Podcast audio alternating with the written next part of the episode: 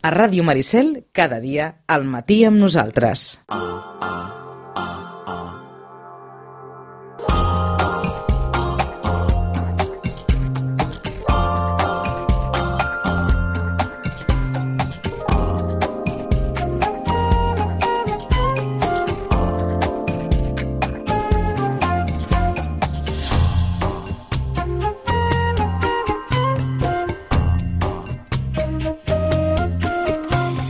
Onze i 21 minuts, a l'altre costat del fiu telefònic saludem la Rosana Lluc d'aquí res, d'aquí res, serà Nadal. Però la Rosana ja ens va anunciar que aquesta tardor gairebé es cavalca eh, es cavalcarà amb la campanya de Nadal perquè els llibres no deixaran d'arribar a les llibreries en grans quantitats. Rosana, bon dia i bona hora. Hola, molt bon dia. I quan diem els llibres diem les novetats. Exacte. Les novetats que no deixen d'arribar a les estanteries i a les taules de les, de les llibreries. Hi ha hagut uns certs canvis, eh, dalt de tot de la llista dels llibres més venuts. Sí, alguna coseta, Alguna no? coseta, jo no tinc eh? la llista, però vaja, suposo Eh, que... te les diem en, en català, un que ja havíem comentat i que ho assenyalaves des del primer moment que seria un dels llibres més venuts, les cançons de Mori de Pluja, de Sergi Pàmies, Sí, que s'ho mereix, eh? que s'ho mereix. La veritat sobre el cas Harry Quebert, de Joel Dicker, n'havíem parlat? Sí, n'havíem Sí, parlat. eh, que n'havíem parlat? Sí, sí. Bueno, de fet, n'havíem parlat eh, cap a l'estiu, perquè va ser quan va sortir, que vam dir que seria el gran llibre de l'estiu. Mhm. I fixa't que porta unes quantes setmanes en la llista dels més venuts Sí. per això, no? Doncs, perquè des eh, del primer moment era una aposta de, de tothom. Mm -hmm. Estarà sent el llibre de tardor també, perquè Sí. tant en català com en castellà, en els primers llocs de la llista de vendes, en tercer lloc en català Victus, en quart lloc el ressò i el ressò de les muntanyes, un llibre que també ens havia recomanat molt també en altres ocasions, dos tuts negres i dos de blancs, que també ens el va recomanar, Wonder, de Palacio, Dispara, Jo ja sóc mort, Cicatrius de 1714, que no sé si l'havien comentat, de l'Andreu Martín. No, no, eh que no? No, i a més a més és, és una, una cosa curiosa perquè és el Premi Ciutat de Badalona de Literatura Juvenil. Ahà. I és un llibre, doncs, això, no? L'Andreu Martín ens vol escriure també sobre el 1714 i el que fa és doncs, fer-nos doncs això, una novel·la, diguem-ne, perquè els personatges, hi ha els personatges i tal, i, bueno, doncs és allò, no? 3 d'abril de 1714, bombes que cauen a Barcelona, i en Bernat Sistac que descobreix eh, allò, no?, eh, el que és veritablement una guerra. Mm? És un llibre que jo crec que, bueno, que convida, no?, que convida els lectors més joves, diguem-ne, a, a viure això, eh, el 1714, és a dir, 300 anys eh, enrere, se n'anem 300 anys enrere per, per tenir les aventures eh, d'aquest episodi històric del setge de Barcelona. eh? Novel·la, però, més dedicada a l'àmbit juvenil.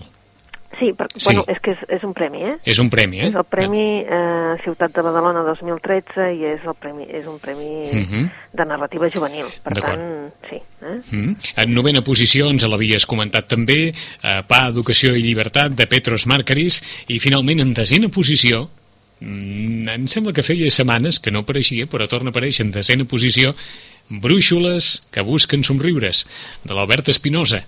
Sí, Tant que n'havíem... feia que feia setmanes que no n'havíem no n'havíem parlat. Que no, que no apareixia, Mhm. perquè, clar, és, eh, bueno, és un llibre que porta, de fet, ja molts dies, no? Eh, Oh, i tant.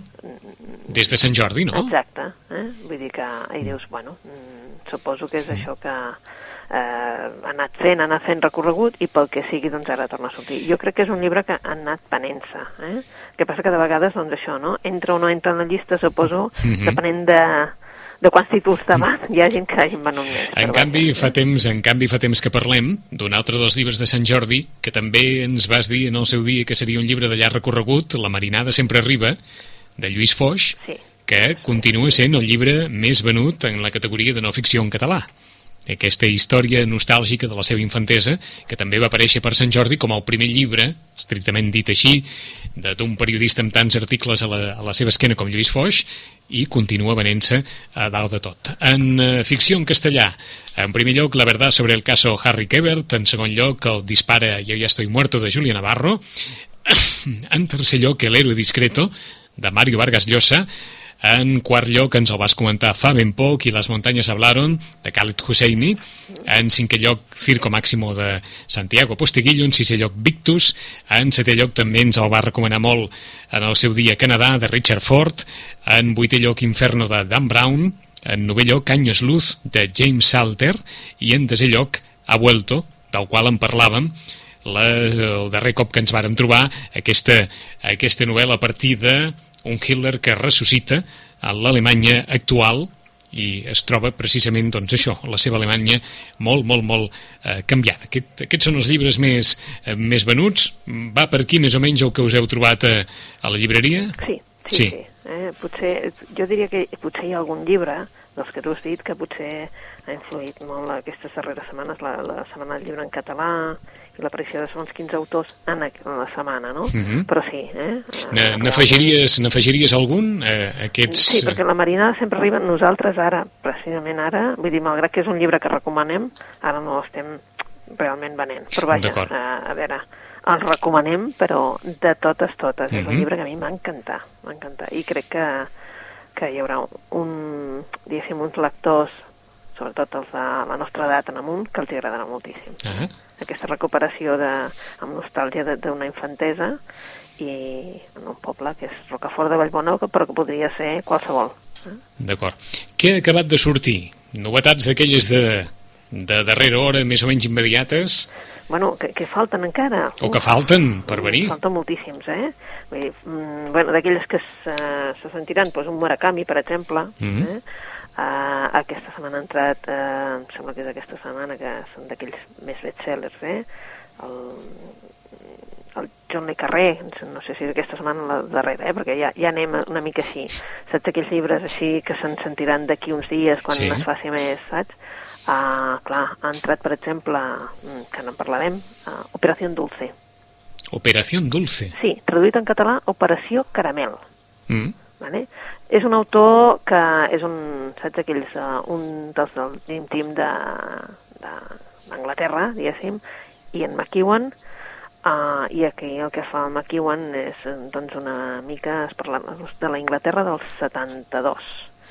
És una, és una novel·la que ens transporta a aquesta Anglaterra, però, de fet, eh, resulta que l'autor es va enterar fa pocs anys, fa molt pocs anys, eh, de fet, després sembla ser que després de, de publicar Expiació, una novel·la que també us recomanem, que ara ja hi és en butxaca fantàstica, doncs eh, se'n va enterar que tenia un germà, un germà que no coneixia, Mm -hmm. eh, fruit de... bé, de, els seus pares l'havien donat amb adopció. Mm, clar, va ser durant la guerra, eh, va ser també pel fet doncs, que els seus pares es trobaven en una situació encara que poc definida, la seva mare representa que estava casada amb un altre senyor i per tant eh, aquest fill, diguéssim, venia a ser doncs, no, eh, una cosa en aquell moment que no, que no es podia no es podia portar endavant i per tant el que van fer va ser donar-ho amb adopció. Mm, Doncs clar, eh, Segona Guerra Mundial, eh, clar, ho van, ho van patir tot i bé, suposo que fruit d'això sembla ser que se li va dir doncs també eh, parlar de, de la Segona Guerra i què passava amb gent durant la Segona Guerra. Mm -hmm. Uh, bé, ara ens trasladem a Anglaterra uh, al 72, eh? Guerra Freda, eh?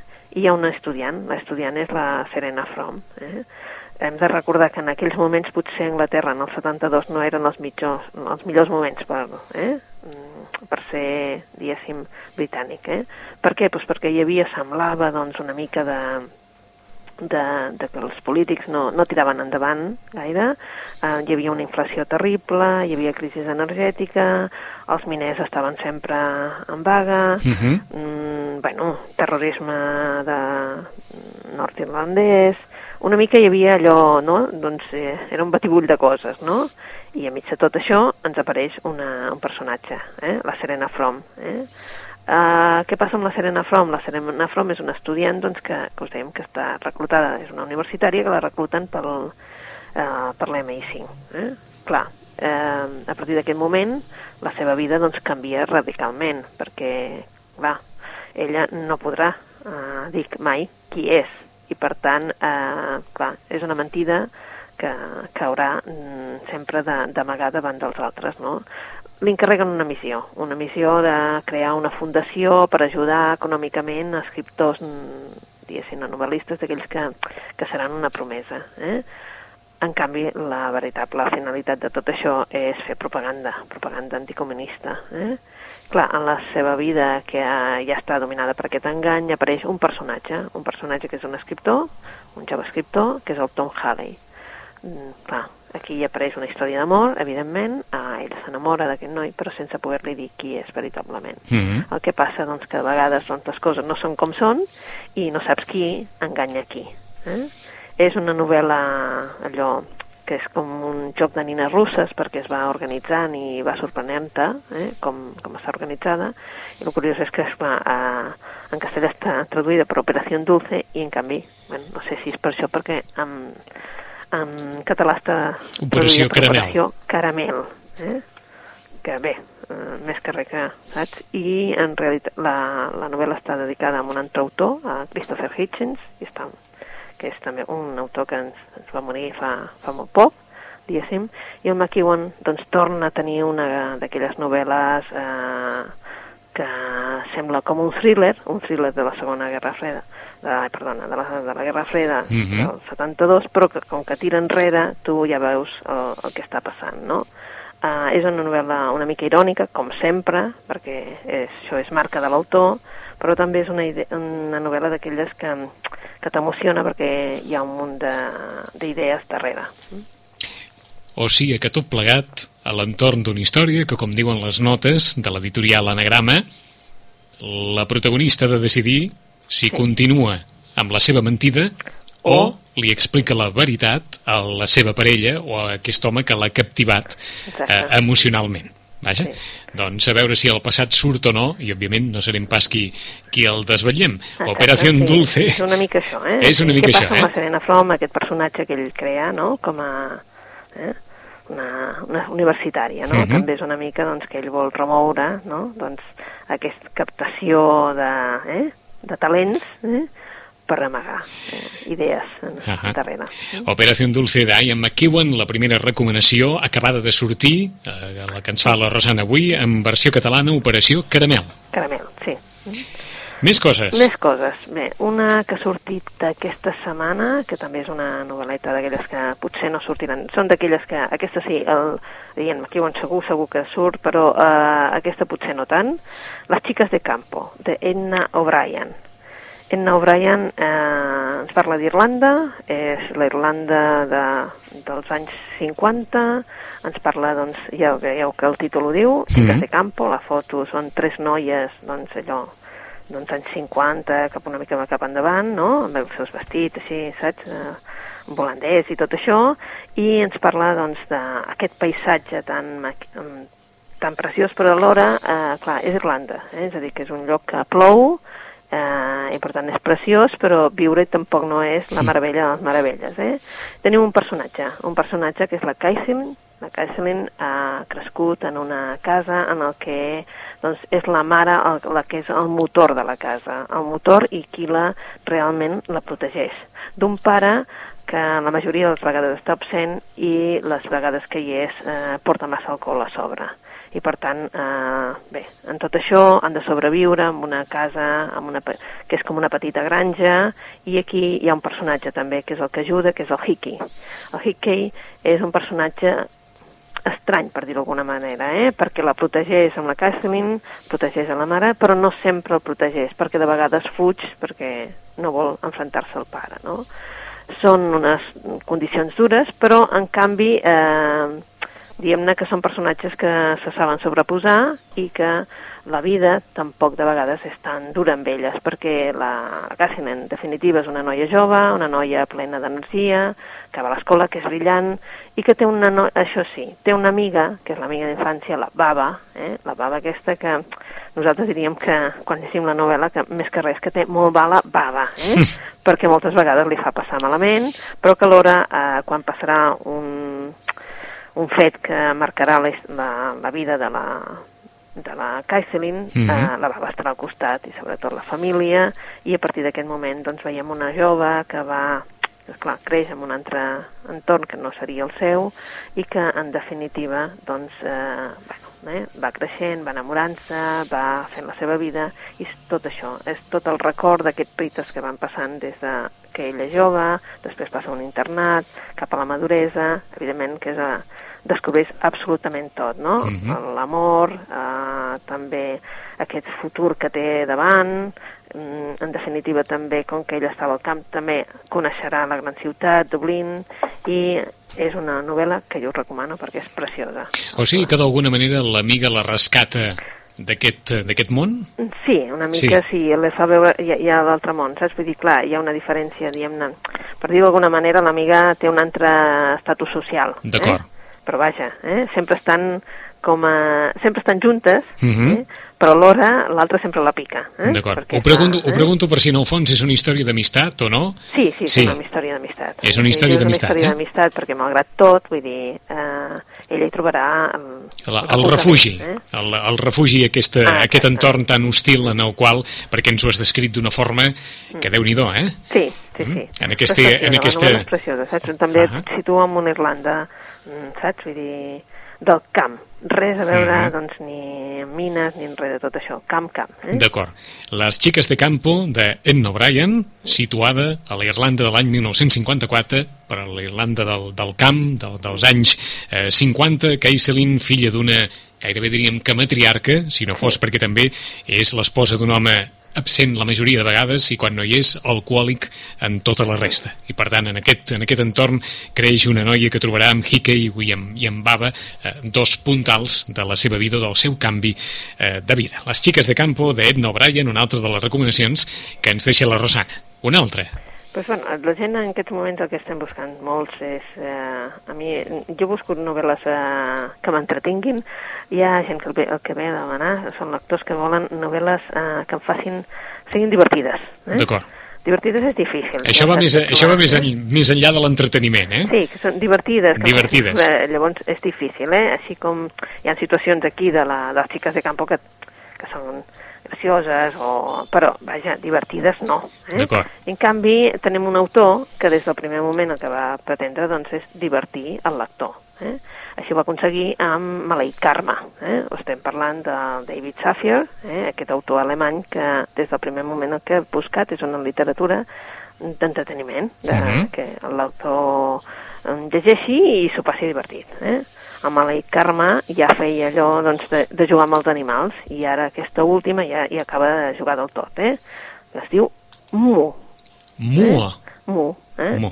Per què? Perquè el, la protagonista és una vaca. Eh? És una vaca. En aquest cas és una vaca. Eh, si recordeu, la primera Maleït Carme, eh? eh, una locutora de televisió i reencarnava amb una formiga. Vull dir que hi havia, saps, allò, animals pel mig, no? Uh, després en les altres va deixar una mica els animals, però en aquest cas uh, Mu ens situa, uh, bueno, esclar, al nord d'Alemanya, aquesta, i és una vaca, l'al·lolla. L'al·lolla és una vaca que doncs, no està passant per, eh, pels seus més bons moments, eh? està passant una etapa una mica dura perquè, és clar, ella estava enamorada d'un- toro, eh? Mhm. del Champion, i se n'ha adonat que hi ha una, una vaca que és, que és, vaja, que és, ella diria que és una bleda, no?, que és la Susi, que en definitiva l'està enganyant. Eh? Però a més a més sap que doncs, l'amo una, una, una, una història de banyes Sí, eh? Sí. Saps? Eh. Una història d'abans i llavors, clar, el que passa és que, clar, la, aquesta vaca que se n'entera de cop i volta gràcies a un gat d'aquests que han corregut tot el món, que hi ha un lloc on eh, les vaques no acaben convertides en, en hamburgueses i van a parar a un McDonald's. Eh? Eh, hi ha un lloc on la vaca és com un animal sagrat, eh? la Índia. I llavors, clar, decideixen que han de marxar. Han de marxar perquè el seu futur és molt negre aquí i, per tant, eh, el gat i ella i els amics marxen a buscar doncs, aquest futur, aquesta terra promesa i que és la Índia. Evidentment, Sí. les aventures doncs, és una darrere l'altra i el que pretén és una faula en la que, bé, divertida i doncs això, eh, d'un grup d'animals que busca la felicitat i per tant potser han de marxar del lloc on estaven. D'acord. La novel·la es diu Mu. Mu, eh? Mu. Eh? Vaca, sí, sí. La història Eh? d'una- d'una En català vaca. només hi ha un mu, eh? Sí, és I veritat. en castellà és més llarg el mu, eh? D'acord, és a dir, en castellà, en castellà hi ha més d'una U i en Exacte. català una U sola. Una U sola. En català és mu. I en castellà és mu, saps? Allò, vale, com el que fem quan li expliquem Sí, un sí, com fa la vaca, està doncs clar. igual. Eh? I aquí, obertament, suposo, Rosana, per qui vulgui passar una bona estona, eh? qui vulgui passar una bona estona. Eh? No, vull dir, el Sàfier ja, ja sap el que està escrivint, està escrivint una història divertida per entretenir-se i punt. Eh? Vull dir, A vegades deu ser complicat pels llibreters, eh? Eh, eh, trobar allò, llibres per fer passar una bona estona, però per divertir-se, com deies tu, perquè... Sí, perquè la gent busca coses que em diverteixin, que siguin divertides, que vol, jo vull riure, i llavors dius, eh, escolta, això... Mhm. Clar, passem una època en la que Sí, sí. necessitem és això, precisament. Un, un símptoma de l'època en què vivim, eh? Sí. Jo vull riure. Sí, però clar, això és un símptoma del que necessitem, Sí, sí. però clar, els autors també passen la mateixa època que nosaltres, Eh, i per però- tant escriuen, saps? Sí, sí, escriu, escriuen sobre l'època que viuen. Eh, bueno, estan Eh, immersos, i llavors estan immersos. suposo que també, saps, allò, també la, mm, passen la mateixa època Mhm. que tu, i potser de vegades la literatura, evidentment, també està influïda per tot el que t'envolta, no? Està I clar. És això, eh? Però qui vulgui això, conèixer la història d'una vaca que se'n vol anar a la Índia perquè allà no acaba convertida en hamburguesa i que viu una història, vaja, un desengany amorós, té en Mu, de David Safir, de l'home de Maleït Carme, una de les novel·les d'aquelles divertides en què s'ho pot passar molt bé. Per on seguim? pues mira, acaba de sortir una obra que potser tampoc no estarà en els llibres de més venuts, però que sí que estaran els que... Eh, mm, en, la, en els de recomanats. I, I surt aquest any, aquest any doncs, que se celebra a 200 anys de, de Jane Austen. Eh? Per tant, eh, mm, Pride and Prejudice, o sigui, Orgull i Prejudici, tothom Mm. la reconeix, eh? i se'n recorden de que la casa era la casa de Longbourn. Eh? Doncs ara, una autora, la Jo Baker, el que fa és una obra que es diu Les ombres de Longbourn. Eh? Per què? Pues perquè estem a la casa dels Bennett, eh? de la família Bennett, de Orgull i Prejudici, Uh, i, bueno, clar, allà hi ha els protagonistes que són les cinc germanes, el matrimoni Bennett, uh, tots recordem Mr. Darcy, etc. però uh, bé, mentre elles dormen, diguéssim, mentre les, les cinc germanes dormen, hi ha uns altres uh, habitants de la casa, que són els criats. Mhm. La Sara i la Poli, que són les dues ancelles, comencen a treballar a, vale, a les ordres de, de la senyora Hill, que és la majordoma. Mm? Mm, Ja fa molts anys que segueixen la rutina i bé, mm, clar, la Sara mm, vol arriscar-se a fer un canvi eh, i vol transformar una mica eh, com que arriba un nou servent, que arriba de Longman, doncs ell també vol eh, doncs tenir una història. Eh? El que ha fet la Joe Baker és molt senzill. Eh, ha fet parlar als criats de... ha fet- ha donat veu, diguéssim, als criats de eh, la casa on la Jane Austen va recrear el Orgull i Prejudici. És a dir, agafa els personatges de, de la novel·la i fa la història d'ells, no la història de la família Bennett. És a dir, que el que fa és un reescriure, com si diguéssim, la història, però vista des del punt de vista de- d'ells. Eh? Un, és, bueno, llavors el que fa és viure a sota, eh? la part de sota, eh? els soterranis, on mm Mhm. realment... hi ha- Molt, molt clàssic de la literatura anglosaxona, eh? Sí, eh? parlar de, del De- de dalt les i baix. Ah, exactament. Eh? La- Doncs això, eh? del dalt i baix. dels dos mons, dels Exacte. dos mons en, un, en, una, en, un mateix, en una mateixa casa, en un mateix món, dos micromons. Exacte. I com viuen eh, la, la mateixa situació, doncs, els de baix, no? Els de baix. De baix. I aquesta, bueno, és interessant en aquest sentit, doncs, de dir, bueno, tothom recordem, vaja, crec que aquest any, com a mínim, eh, és obligat, igual que és obligadíssim, eh, a llegir Espriu, mm? o com a mínim saber, no?, Mm. sentir alguna d'Espriu, doncs eh, també ho és, doncs, a dir, doncs, mira, és un bon moment per llegir Orgull i Prejudici. Entesos. Eh? O qualsevol de les altres obres. Dic Orgull i Prejudici perquè per mi va ser la primera, saps, que, que vaig descobrir i per tant eh, dic aquesta perquè és la que més conec. Eh? Um, es pot llegir les ombres de Lowborn, um, diguem-ne, per separat o, o lliga molt a, a la novel·la original? Mm, Es pot llegir per separat. Es pot llegir eh? per separat. Tu, tu pots saber qui, qui no, tu no tens per què saber qui era el senyor Collins, no? O, o Mr. Darcy, o... però bueno, eh?